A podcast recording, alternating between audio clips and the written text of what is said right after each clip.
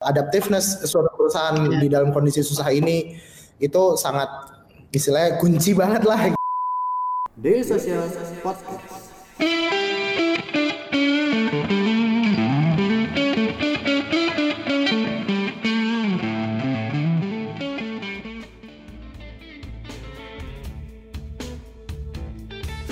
Um, ada nih pertanyaan dari teman kita Miftahudin Nurdayat. um, di era pandemi ini kan banyak interaksi customer lebih banyak di platform digital. Betul. Apakah ada inovasi yang Fab inovasi dari Fabelio di main websitenya ini di luar virtual assistant yang tadi disebutkan oleh Mas Marshall? Thank you.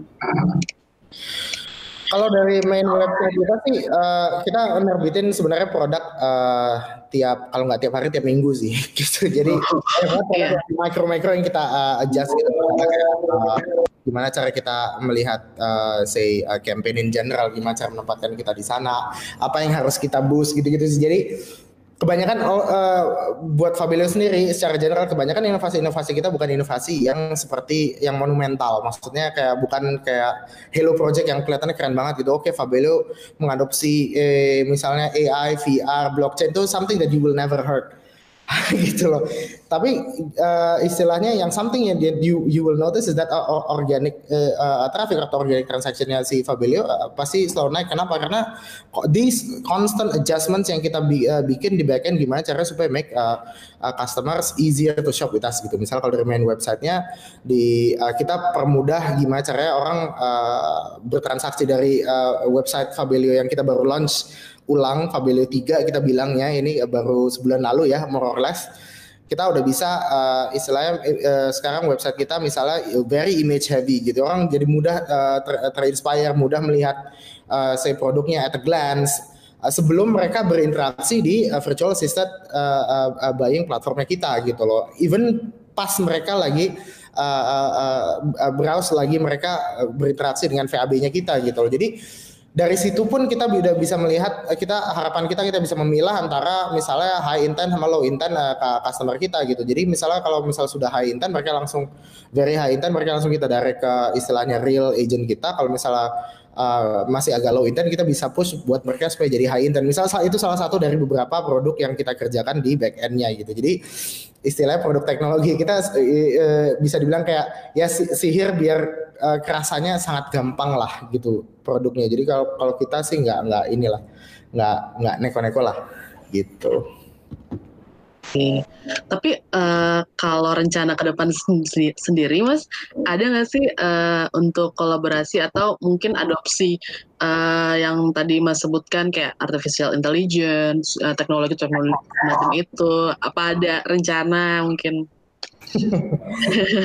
Jadi kalau buat kita ya sebenarnya kita setiap kita mengadopsi suatu teknologi besar gitu ya kita harus make sure itu ada impactnya buat customer kita gitu. Maksudnya kalau memang uh, biasanya pada saat itu kalau biasanya pada saat dia mereka teknologi tersebut mempunyai high impact terhadap customer kita itu uh, switchnya akan sangat mudah gitu biasanya gitu ya. Jadi kayak misalnya oke okay, kita tiba-tiba uh, bikin uh, uh, virtual reality lah mungkin yang yang paling gampang atau enggak AI buat uh, chatbot kita lah. Cuman kita nggak bakal istilahnya uh, membebankan customer kita dengan linggo-linggo baru tersebut. Oke, pakai AI kita ya. Kita uh, diperbarui dari AI uh, diperbarui dengan AI jadi kalian nanti bisa kita bisa tahu tanpa uh, kita sebut. Itu nggak memudahkan customer kita buat saya ya gitu dan dan dan riset itu membuktikan gitu. Nggak nggak statement tersebut nggak nggak mempermudah customer buat beli. Yang paling mempermudah customer buat beli apa kita mempersimpel misalnya dengan dengan teknologi AI kita bisa istilah pilah yang mana high intent mana low intent dan uh, pembicaraannya begitu natural jadi customer juga nggak tahu bedanya apa antara uh, real agent yang close the deal sama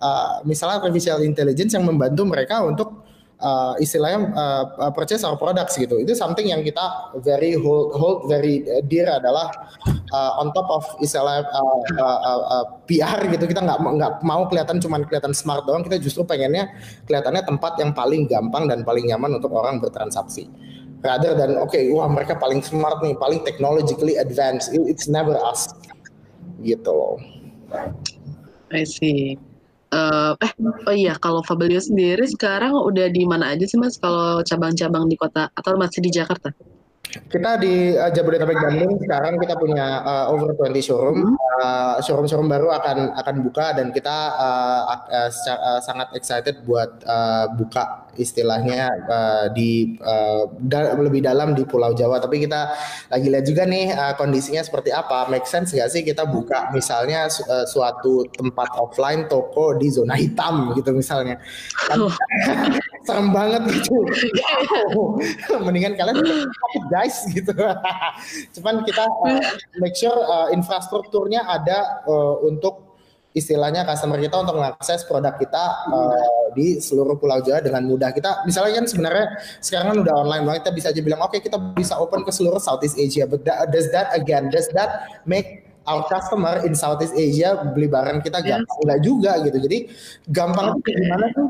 Gampang tuh misalnya kalau misal lo ada di Surabaya atau lo ada di misalnya Mojokerto gitu, lo lihat barangnya, barangnya bisa diservis seperti kita menservis orang yang ada di Jakarta sekarang gitu, same day delivery, hmm. masa perkenalan, cicilan, semua uh, semua promo kita bisa reach ke mereka gitu. Otherwise, again it's just apa ya headline lah gitu kayak oh gila keren banget Habile udah buka di Southeast Asia kita juga bisa bilang besok oh gue buka pembelian dari Amerika it doesn't oh.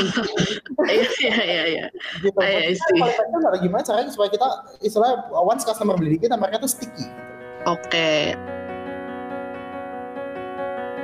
Dek, ngobrol yuk. Ngobrolin apa, Bang? Ngobrolin startup bareng media sosial.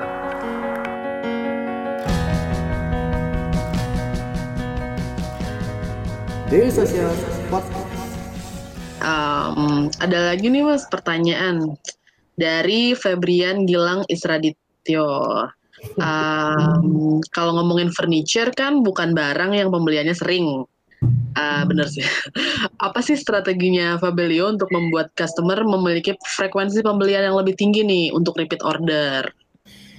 Ya, jadi uh, dua jenis uh, customer yang kita selalu kejar ya, customer yang nanti akan kita repeat purchase, of course, dan customer yang uh, istilahnya uh, belum pernah uh, purchase di Fabilio gitu ya.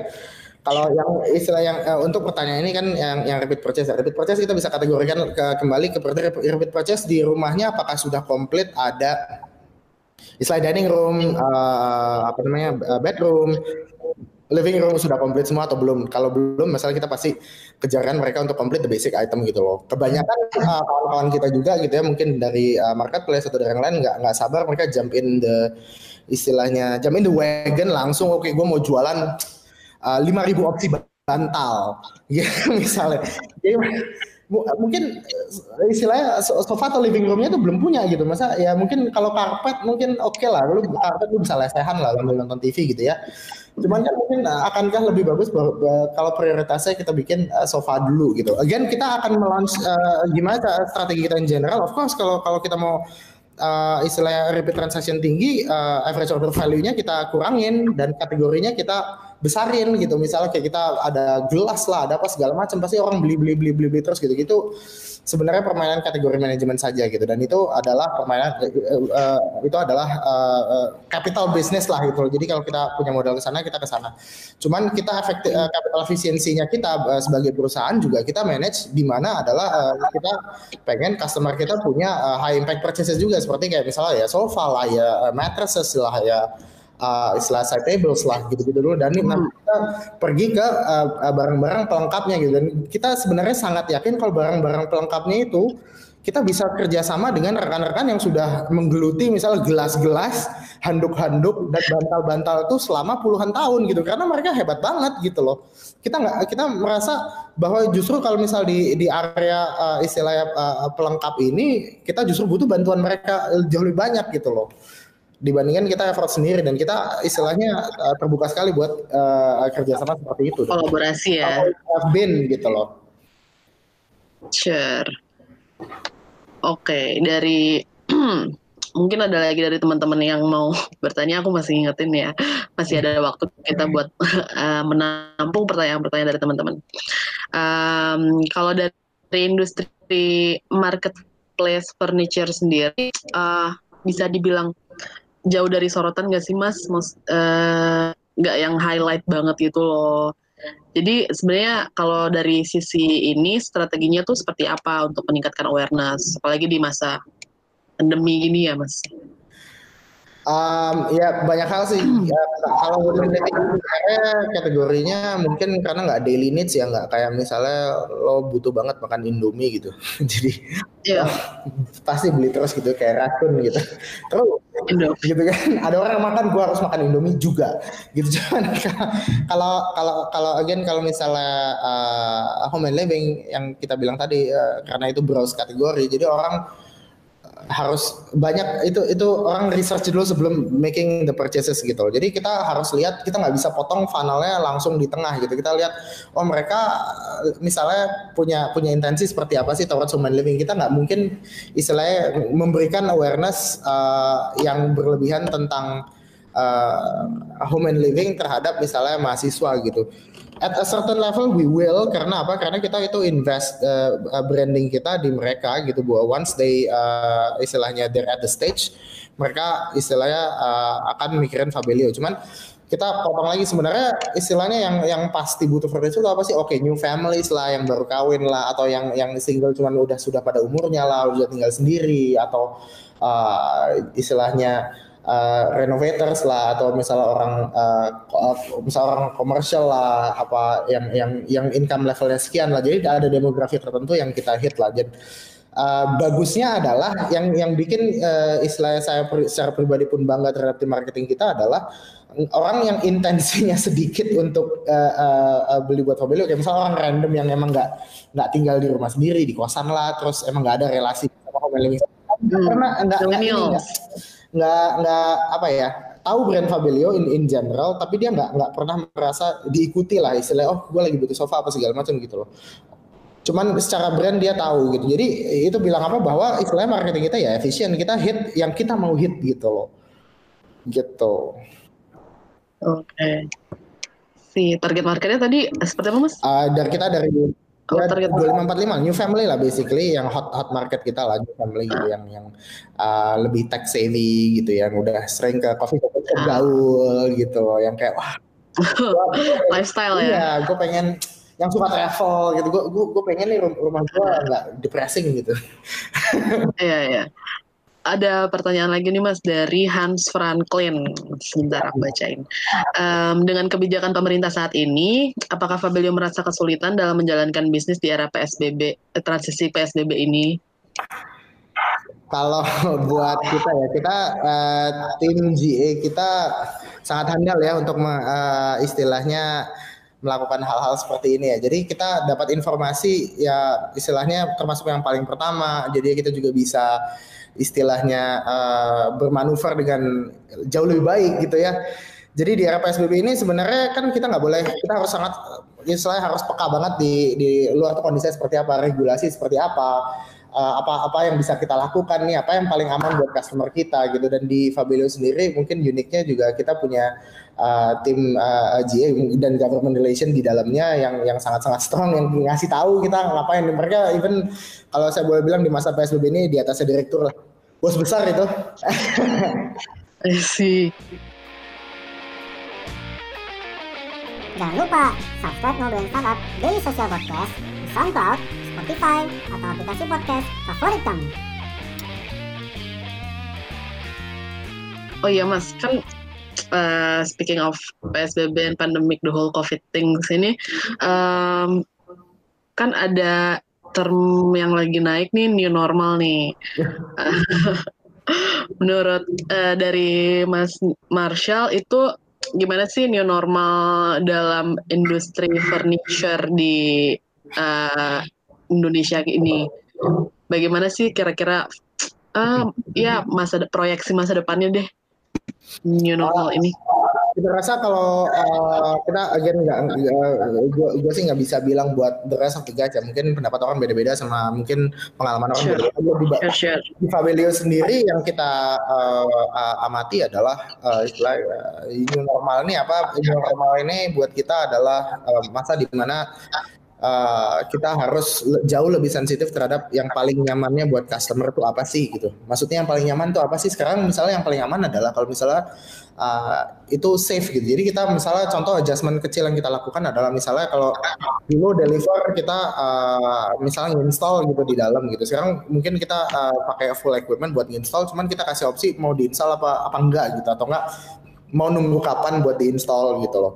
Jadi pas uh, istilah mungkin rumahnya uh, agak lebih sepi sedikit baru installer kita masuk install dan mungkin uh, kita juga uh, uh, bersihin dengan uh, disinfektan segala ya gitu dan mungkin mereka mau bersihin lagi gitu gitu loh. Jadi kita mengutamakan kenyamanannya. Jadi ini I, uh, I think works for most of the uh, should work for most of uh, other uh, retail brands gitu ya. Jadi kadang kan kita sebagai brand ya uh, ada kayak kita merasa oh kita udah gede banget ya udah customer kita set the rules for customer. I don't think that ever works gitu.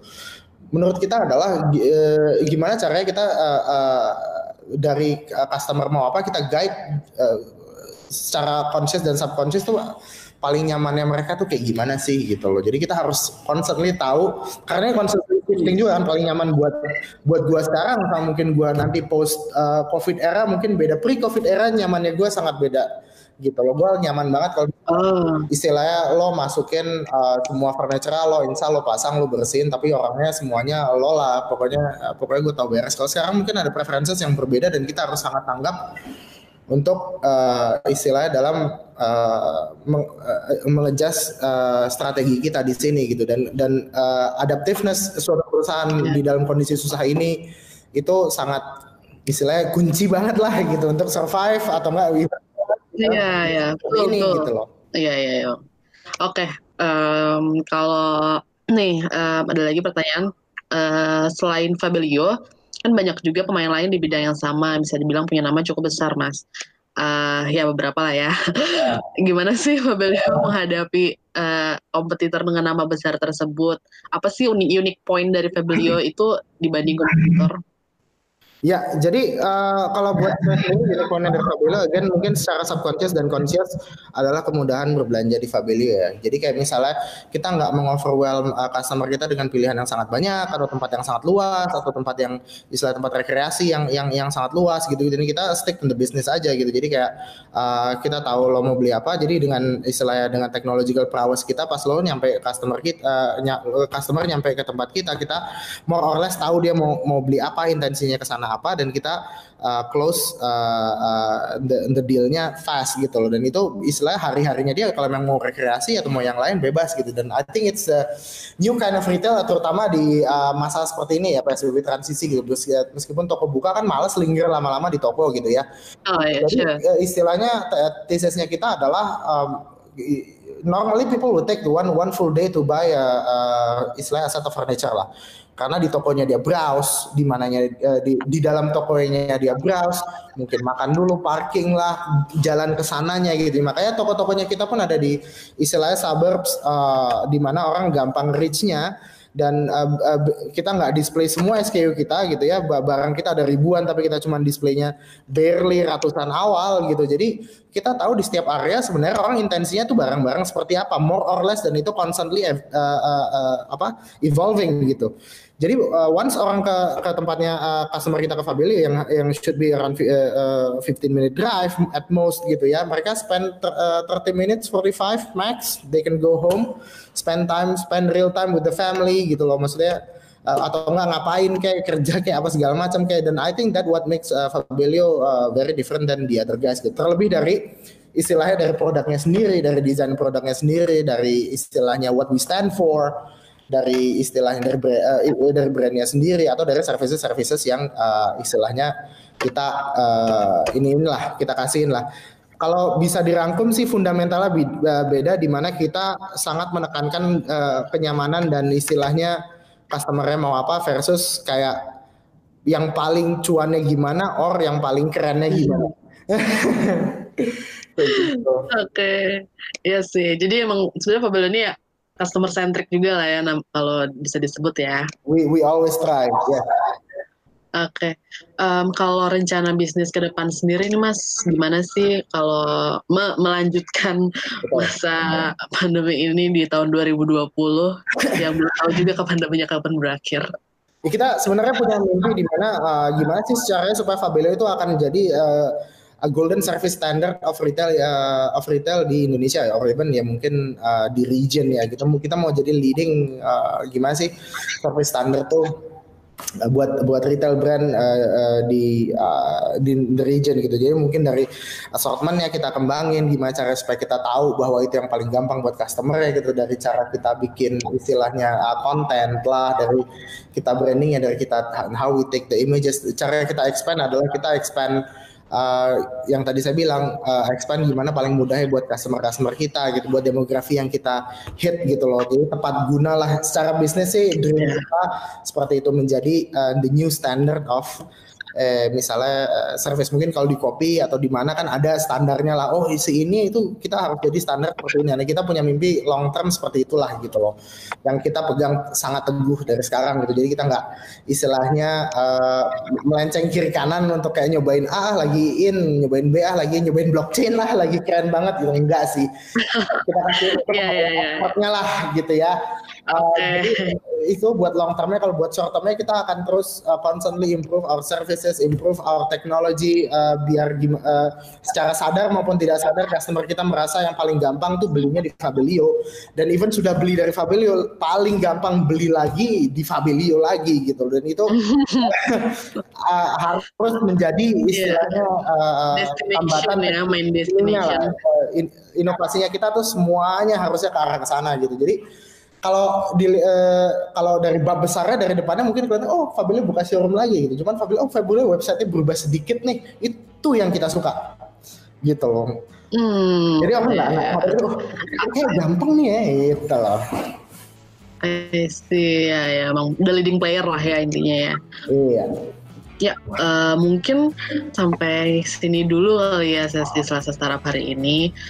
Thank you banget nih Mas Marshall buat insight-nya dalam eh, bisnis digital saat ini. Sukses terus buat Fabelio. Um, thank you hadirnya. Thank you. See you in another event ya. Iya. Terima kasih. Oke.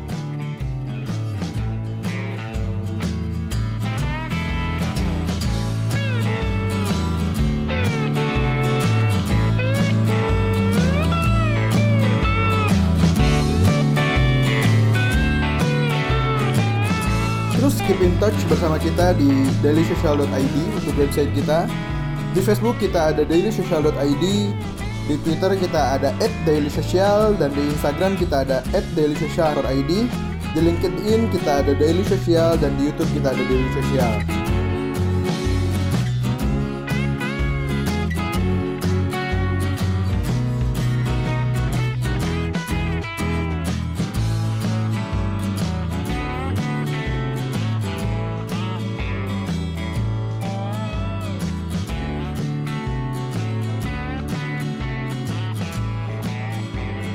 Social Podcast.